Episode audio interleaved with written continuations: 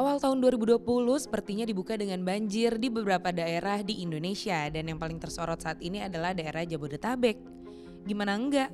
Hujan sudah mengguyur dari sebelum malam tahun baru 31 Desember 2019 hingga tanggal 1 Januari 2020.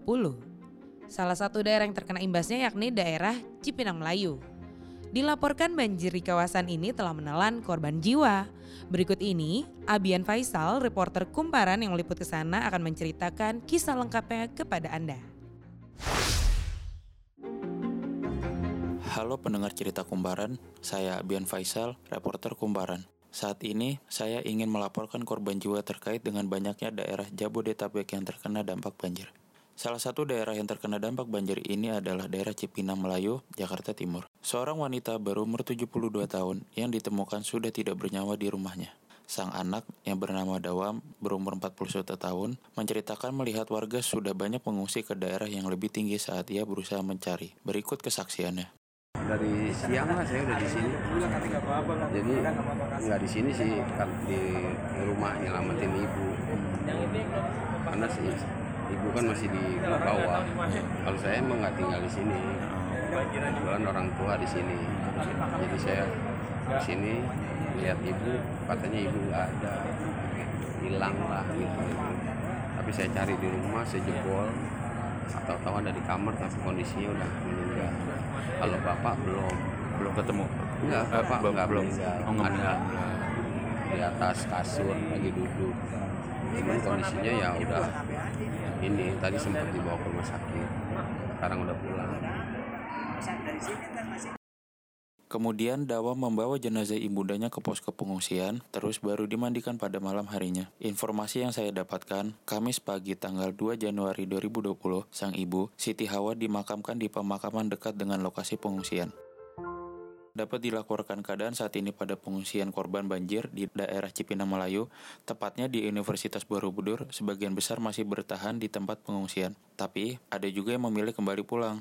Mereka yang kembali ke rumah pada sore hari mulai bersih-bersih, mengeluarkan lumpur sisa banjir, mumpung belum kering, karena nanti kalau sudah kering susah untuk dibersihkan katanya. Jadi apa yang saya lihat di lokasi pengungsian itu, banyak warga tertib mengantri makanan. Walaupun sebenarnya seperti yang kita ketahui bersama, mereka pasti sudah sangat lapar karena kondisi cuaca yang masih hujan rintik saat itu.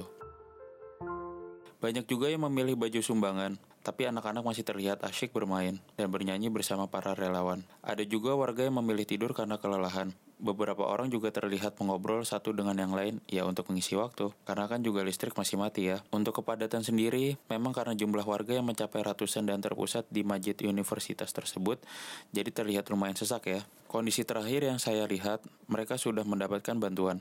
Bahkan Menkes Terawan dan juga Mensos Juliari juga sudah datang untuk meninjau lokasi pengungsian serta memberikan dorongan moral. Dari pihak Kemensos juga membuat semacam trauma healing center bagi para korban. Jadi, ada kegiatan bernyanyi bersama dan bermain games serta dibacakan dongeng-dongeng supaya tidak suntuk untuk para pengungsi. Air memang sudah surut saat sore, tapi banyak warga yang belum mau pulang karena takut hujan susulan atau banjir lagi. Jadi menurut beberapa orang yang saya tanyakan, mungkin saat ini lebih aman di shelter saja sementara waktu.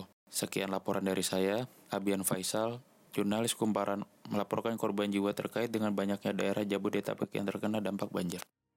Oke, sekian laporan dari reporter Kumparan Abian Faisal. Mari kita doakan bersama agar bencana banjir ini bisa diantisipasi ke depannya ya, supaya tidak lagi jatuh korban jiwa. Serta bagi warga yang terkena dampaknya dapat diberikan ketabahan.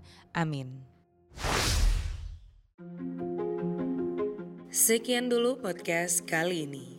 Dan terima kasih telah mendengarkan podcast Cerita Kumparan. Jangan lupa untuk klik kumparan.com atau follow Instagram kita di @kumparan.com.